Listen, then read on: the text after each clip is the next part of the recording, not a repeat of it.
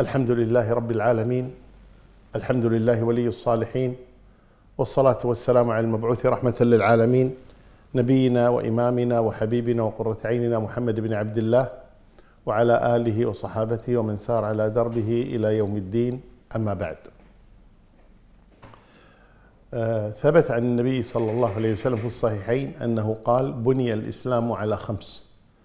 شهادة أن لا إله إلا الله وأن محمد رسول الله وإقام الصلاة وإيتاء الزكاة وصوم رمضان وحج البيت.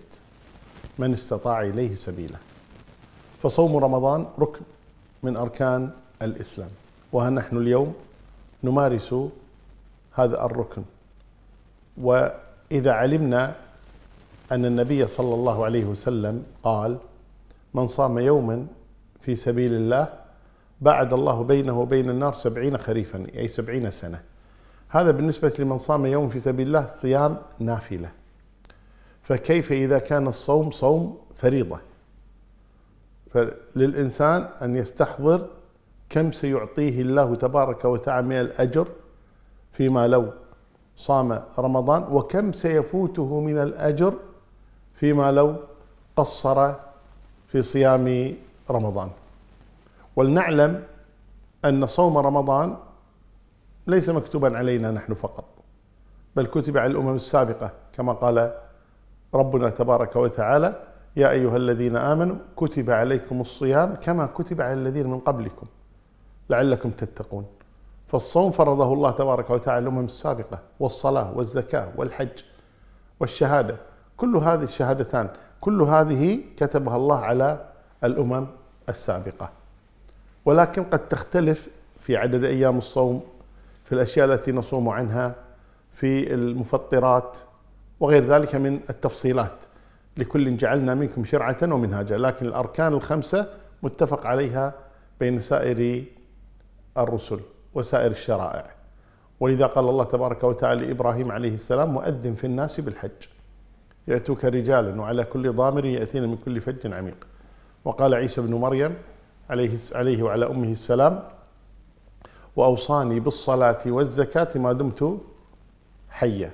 وفي الصوم الآية الآية التي ذكرناها وهي قول الله تبارك وتعالى يا أيها الذين آمنوا كتب عليكم الصيام كما كتب على الذين من قبلكم. فهذا الصوم لما يفكر الإنسان في الأجر الذي رتبه الله تبارك وتعالى عليه يستغرب. عندما يقول النبي صلى الله عليه وسلم كل ابن كل عمل ابن آدم له. الحسنة بعشر أمثالها. فمن هم بحسنه بحسنة فلم يعملها كتبت له حسنة لم يعملها. مجرد أنه هم أراد أن يعمل حسنة ثم لم يتيسر له ذلك كتبت له حسنة. هذا فضل الله تبارك وتعالى. ويقول ومن فإن عملها يعني من هم بحسنة فعمل فعملها فإن عملها كتبت له عشر حسنات إلى سبعمائة ضعف إلى أضعاف كثيرة. شوفوا فضل الله تبارك وتعالى. فضل الله عظيم سبحانه وتعالى. الآن يتكلم عن عموم الحسنات. من هم بحسنة فلم يعملها كتبت له حسنة. لم يعملها. فإن عملها كتبت له عشر حسنات. إلى سبعمائة ضعف. إلى أضعاف كثيرة. قال الله إلا الصوم. فإنه لي وأنا أجزي به. الله أكبر. إلا الصوم. فإنه لي وأنا أجزي به يعني أكثر من سبعمائة ضعف أكثر من أضعاف كثيرة. وللواحد منا أن يتخيل إن أراد أن يتخيل كم سيعطي الله تبارك وتعالى من الأجر للصائمين. وأغفله لم يذكر يعني هذا الجزاء وإنما قال لي وأنا أجزي به ولم يحدد كم هو هذا الجزاء يقول أهل العلم لم يذكره تعظيما له لأنه من العظيم. سبحانه وتعالى. قال إلا الصوم فإنه لي وأنا أجزي به. فإذا كان الأمر كذلك فالإنسان العاقل حقيقة يعني يستثمر هذه الأوقات. الآن مضى من رمضان الآن الثلث وبقي الثلثان. من فاته الثلث الأول يعوض في الثلث الثاني والثالث. ويستحضر النية في أنه يكمل صيام هذا الشهر فإن النية شأنه عظيم جدا جدا عظيم عند الله تبارك وتعالى. ولذا هنا نقول من هم بحسنة فلم يعملها كتبت له حسنة لمجرد النية الصادقة مع الله تبارك وتعالى يكتبها الله جل وعلا. فلننوي الآن في داخلنا أننا سنصوم هذه الأيام. وسنقرأ القرآن في هذه الأيام وسندعو وسنقوم الليل وسنتصدق وسنبر والدينا ونصل أرحامنا ونحسن إلى جيراننا. أعمال الخير بشكل عام ننويها من الآن حتى لو لم نتمكن من فعلها بسبب موت أو مرض. نسأل الله يعطيكم الصحة والعافية والحياة السعيدة. أه تكتب لنا هذه الحسنات. ولا ولا تضيع علينا. فلنهتم بهذا الجانب وهو استحضار النية. فكم إنسان نعرفه مات ولم يدرك هذا الشهر وكان ناويا أن يصوم هذا الشهر ناوي أن يكثر من قراءة القرآن في هذا الشهر أن يكثر من الصدقة في هذا الشهر لكن قدر الله عليه إما أنه مات وإما أنه طريح الفراش لا يستطيع الصوم أو أي سبب من الأسباب. لكن نحن فيها الآن. والله تبارك وتعالى مد لنا من أعمارنا حتى أدركنا هذه الأيام المباركة ونسأل الله أن يمد في أعمارنا جميعا حتى نكمل هذا الشهر ونصوم سنوات عديدة. عسى الله تبارك وتعالى أن يتقبل منا ومنكم. هذا الشهر أو صوم هذا الشهر فرصة وعندما نقول فرصة يقول أهل العلم الفرص فواتة. فواتة يعني لا تعود لا تعود. رمضان الماضي ما يعود. خلاص انتهى. رمضان هذا لن يعود إذا فات. لكن ننتظر رمضان القادم إن كتب الله لنا عمرا وهدانا إلى صومه. والعلم عند الله تبارك وتعالى. فنحن أبناء اليوم. الآن لا نسوف لا نؤجل عمل اليوم. فلذلك الآن نستثمر هذه الفرصة لأنها ستفوت. ولذا ينبغي للمسلم العاقل بل كل عاقل ولو لم يكن مسلما حقيقة ينبغي للعاقل أن آه، يهتم بموضوع الوقت. الوقت لا يعود. هذه ميزة الوقت لا يعود. كل دقيقة تذهب لا تعود. وإذا كان الحسن البصري جالسا مع أصحابه فغابت الشمس. قال يا ابن آدم كلما ذهب يوم ذهب بعضك. كلما ذهب يوم ذهب بعضك. وهكذا نحن. إنسان يبدأ في حياته بعد البلوغ آه، يبدأ يجمع من هذه الحسنات حتى قبل البلوغ يجمع الحسنات إن شاء الله تعالى لكن بعد البلوغ الحسنات والسيئات تكتب. فيجمع ويتقرب إلى الله تبارك وتعالى ثم بعد ذلك حتى يصل إلى سن الثلاثين تقريبا أو لنقل 35 سنة ثم بعد ذلك يبدأ العد التنازلي. لأن النبي صلى الله عليه وسلم يقول أعمار أمتي بين الستين والسبعين. وقليل من يجوز ذلك. أكثر أمة محمد صلى الله عليه وسلم هذه يعني ساعات وفاتهم بين الستين والسبعين. فمن بلغ الخامسة والثلاثين الآن يبدأ بالعد التنازلي الآن. فيستعد العاقل يستعد ويستثمر هذه الأوقات بما يعود عليه بالخير ورفعة المكانة عند الله تبارك وتعالى. نستثمر أوقات الصوم بقراءة كتاب الله تبارك وتعالى. ولذلك يسمى شهر رمضان شهر القرآن لأنه أنزل فيه القرآن شهر رمضان الذي أنزل فيه القرآن. فكان النبي صلى الله عليه وسلم آه، يدارسه جبريل القرآن في كل سنة آه، في كل شهر مرة في في رمضان يدارسه القرآن مرتين. وكان أصحاب النبي صلى الله عليه وسلم يكثرون من قراءة القرآن خاصة في شهر رمضان. فلتكن وهذه عادة المسلمين اليوم والله الحمد والمنة أنه يختم القرآن في كل شهر مرة. تكون له ختمة في شهر رمضان. وهذا صح وغلط. صح أنك تكون لك ختمة في رمضان. غلط أن يقيد هذا في رمضان. لماذا لا تكون لي ختمة في شوال؟ وختمة في ذي القعدة وختمة في ذي الحجة وختمة في محرم وفي صفر ربيع أول ربيع ثاني جمادى الأولى جمادى الآخرة. وهكذا في كل شهر تكون لي ختمة. والنبي صلى الله عليه وسلم أوصى عبد الله بن عمرو بن العاص فقال له اقرأ القرآن في كل شهر مرة. فمن السنة أن تكون لنا ختمة في كل شهر وليس هذا بكثير. يعني بالنسبة للرجال يعني لو فقط ألزمت نفسك في صلاتين فقط العشاء والظهر أو العصر أو الفجر أنت تختار أي صلاتين من هذه الصلوات. يمكن الظهر كنت في العمل العصر قد وقد لكن الفجر مثلا والعشاء. اذهب إلى المسجد مع الأذان. مع الأذان. تصلي ركعتين ثم تجلس تقرأ القرآن. كل يوم تقرأ جزءا. عشر دقائق قبل العشاء ربع ساعة قبل الفجر أنت ختمت خلاص تقرأ جزءا كامل في اليوم. وبالنسبة للنساء نفس الشيء. إذا جاءت تصلي العشاء أو المغرب أو أي أي فرض من الفروض الخمسة ما عدا تكون في العمل أي فرض من الفروض الخمسة أيضا قبل ما تبدأ بالصلاة تفتح المصحف وتقرأ الجزء أو تقرأ نصف جزء أو كذا بحيث أن خلال اليوم تقرأ جزءا. ليس بكثير. ليس بكثير. ولذا عبد الله بن العباس رضي الله عنهما يقول من لم يقرأ القرآن في شهر فقد هجره. هل يقبل المسلم على نفسه أن يكون هاجرا لكتاب الله تبارك وتعالى؟ فنحرص على قراءة كتاب الله تبارك وتعالى وكثرة النظر فيه والتأمل والتدبر والتفكر في كتاب الله جل وعلا. آه، الصدقة في رمضان والصدقة في غير رمضان ولكن في رمضان أكثر.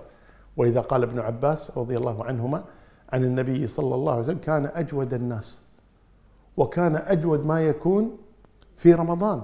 حين يلقاه جبريل يعارضه القرآن كان أجود من الريح المرسلة. اللهم صل وسلم عليه. أجود من الريح المرسلة. يعني في كثرة إنفاقه صلى الله عليه وسلم. ما الذي يمنعنا نحن كمسلمين أن نقتدي بالنبي صلى الله عليه وسلم في هذا الأمر؟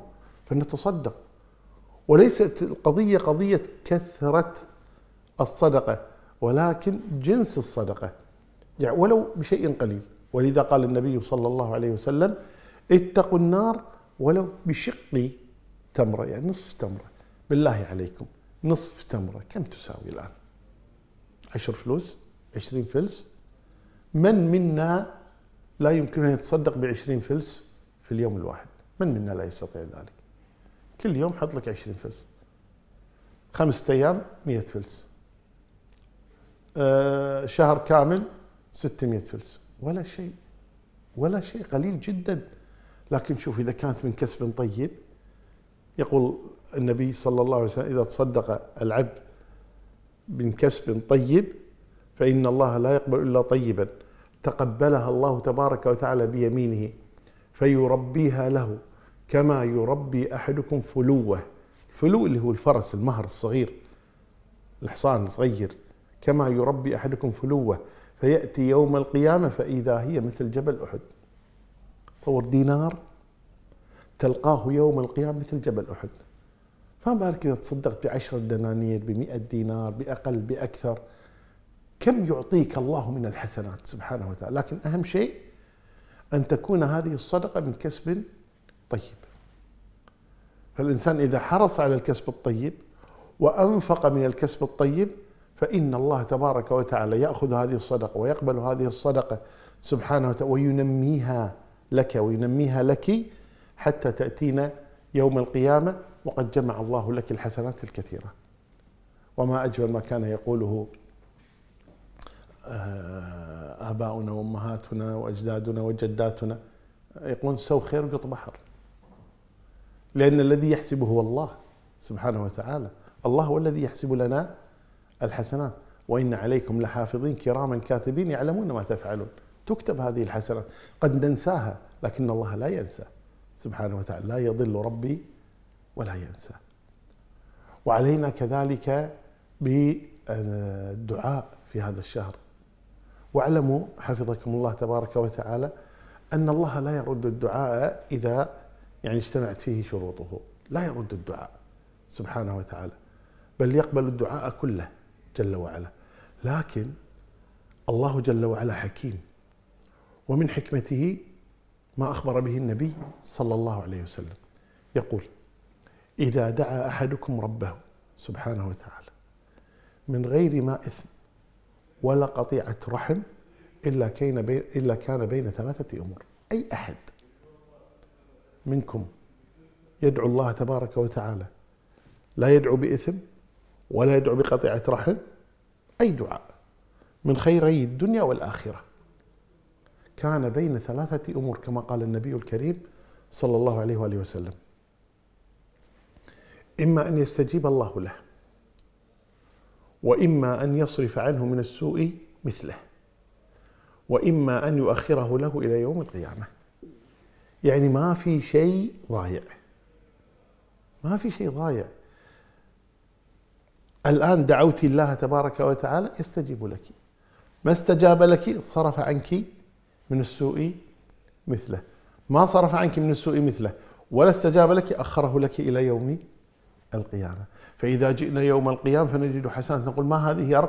قال هذه دعوات دعوتم بها ما استجاب لكم الله تبارك وتعالى لها في الدنيا أخرها لكم إلى يوم القيامة. حتى ذكر بعض أهل العلم أن البعض يتمنى أن لو لم يستجب الله له في أي دعاء وكله أخره لهم إلى يوم القيامة. نجد حسنات عظيمة عند الله تبارك وتعالى. ولذا أصحاب النبي صلى الله عليه وسلم لما قال النبي هذا الحديث فرحوا بذلك وقالوا يا رسول الله إذا نكثر يعني نكثر من الدعاء طالما أنه ما راح يضيع. إما أن يستجيب إما أن يصرف عن عنا من السوء مثله وإما أن يؤخره لنا إلى يوم القيامة. قالوا يا رسول إذا نكثر قال الله أكثر. يعني أكثروا. الله أكثر. سبحانه وتعالى. فنكثر إذا من الدعاء لأنفسنا لأهلينا لوالدينا لأقاربنا للمسلمين لذرياتنا لجيراننا. نكثر من مرضانا فقراءنا نكثر من الدعاء والدعاء نوعان كما قال أهل العلم. دعاء مسألة ودعاء عبادة. الدعاء دعاءان. دعاء مسألة ودعاء عبادة. ولذلك الله النبي صلى الله عليه وسلم يقول الدعاء هو العبادة. شوفوا. الدعاء هو العبادة. إذا نكثر من الدعاء. لأنه هو العبادة. طيب إذا كان الدعاء هو العبادة إذا نكثر من هذا الدعاء. ولذا نجد أن الله تبارك وتعالى لما ذكر آيات آيات الصيام جل في علاه ختمها أو أو أدخل بينها قوله سبحانه وتعالى وإذا سألك عبادي عني فإني قريب أجيب دعوة الداعي إذا دعان. في آيات الصيام.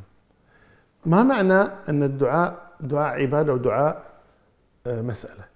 دعاء المسألة طلباتنا. اللهم نسألك الجنة اللهم نعوذ بك من النار اللهم ارزقني مالا اللهم ارزقني زوجة صالحة اللهم ارزقني زوجا صالحا اللهم اشف مرضانا اللهم وفقني في هذه القضية اللهم سددني في هذا السفر. ما تدعو الله تبارك وتعالى بها. هذا يسمى دعاء مسألة. دعاء مسألة. أشياء معينة تسأل الله جل وعلا إياها. طيب ما هو دعاء العبادة؟ دعاء العبادة كل حياتنا. دعاء عبادة. كيف؟ نصلي نصوم نزكي نحج نبر والدينا. آه، نبتعد عن المحرمات عن السرقة عن شرب الخمر عن الربا عن الرشوة. المهم فعل الواجبات وترك المحرمات. هذه يسمونه الدعاء عبادة. كيف؟ لأننا ما نفعل ذلك إلا لأننا نسأل الله تبارك وتعالى الجنة ونعوذ به من النار. فنحن مرادنا من حياتنا عباداتنا بشكل عام أننا ندخل الجنة وننجو من النار. وقد كان النبي صلى الله عليه وسلم يطوف حول الكعبة صلوات ربي وسلامه عليه. ومعه معاذ بن جبل. فكان يطوفان ويذكران الله تبارك وتعالى ويدعوانه. فمر بهما يعني في الطواف أعرابي رجل من أهل البادية. فقال هذا الأعرابي يقول للنبي صلى الله عليه وسلم والله يا رسول لا أحسن دندنتك ولا دندنة معاذ. يعني ما أعرف أقول مثلكم. أنتم ما شاء الله عندكم لأن النبي أوتي جوامع الكلم.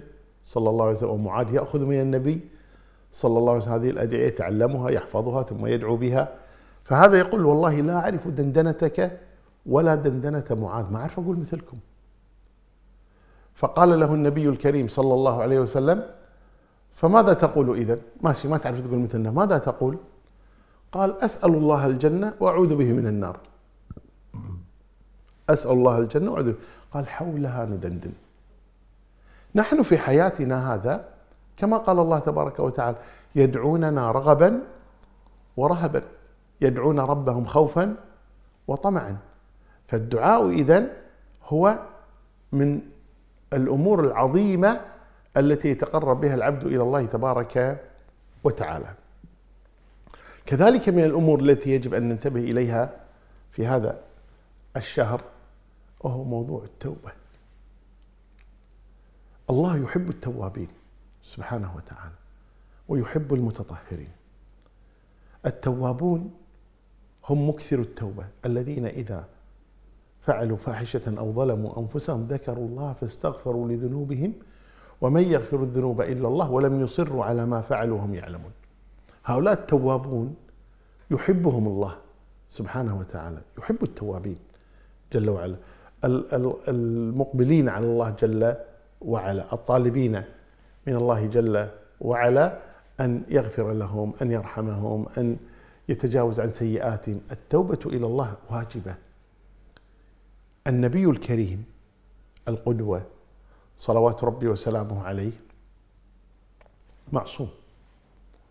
وفي الوقت ذاته نبي كريم. وقال الله تبارك وتعالى ليغفر لك الله ما تقدم من ذنبك وما تأخر.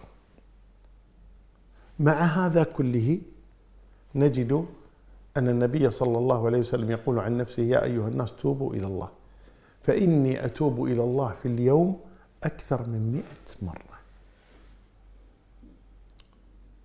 أنتم متصورون هذا؟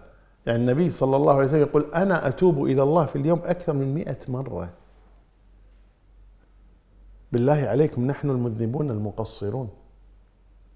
هل فعلا نتوب إلى الله؟ عشر مرات باليوم عشرين مرة مع أننا أخطاؤنا كثيرة يقول ابن النبي صلى الله عليه وسلم كل ابن آدم خطاء وخير الخطائين التوابون. ويقول الله تبارك وتعالى في الحديث القدسي إنكم تخطئون بالليل والنهار. تخطئون بالليل. هذا من الذي يقول الله جل وعلا؟ فعلينا أن نتوب إلى الله تبارك وتعالى. وتوبتنا بين توبتين من الله. أول شيء الله يتوب علينا بأن يهدينا إلى التوبة. هذه توبة من الله تبارك وتعالى. ثم نتوب ثم يقبل الله توبتنا. ثم تاب عليهم ليتوبوا إنه هو التواب الرحيم.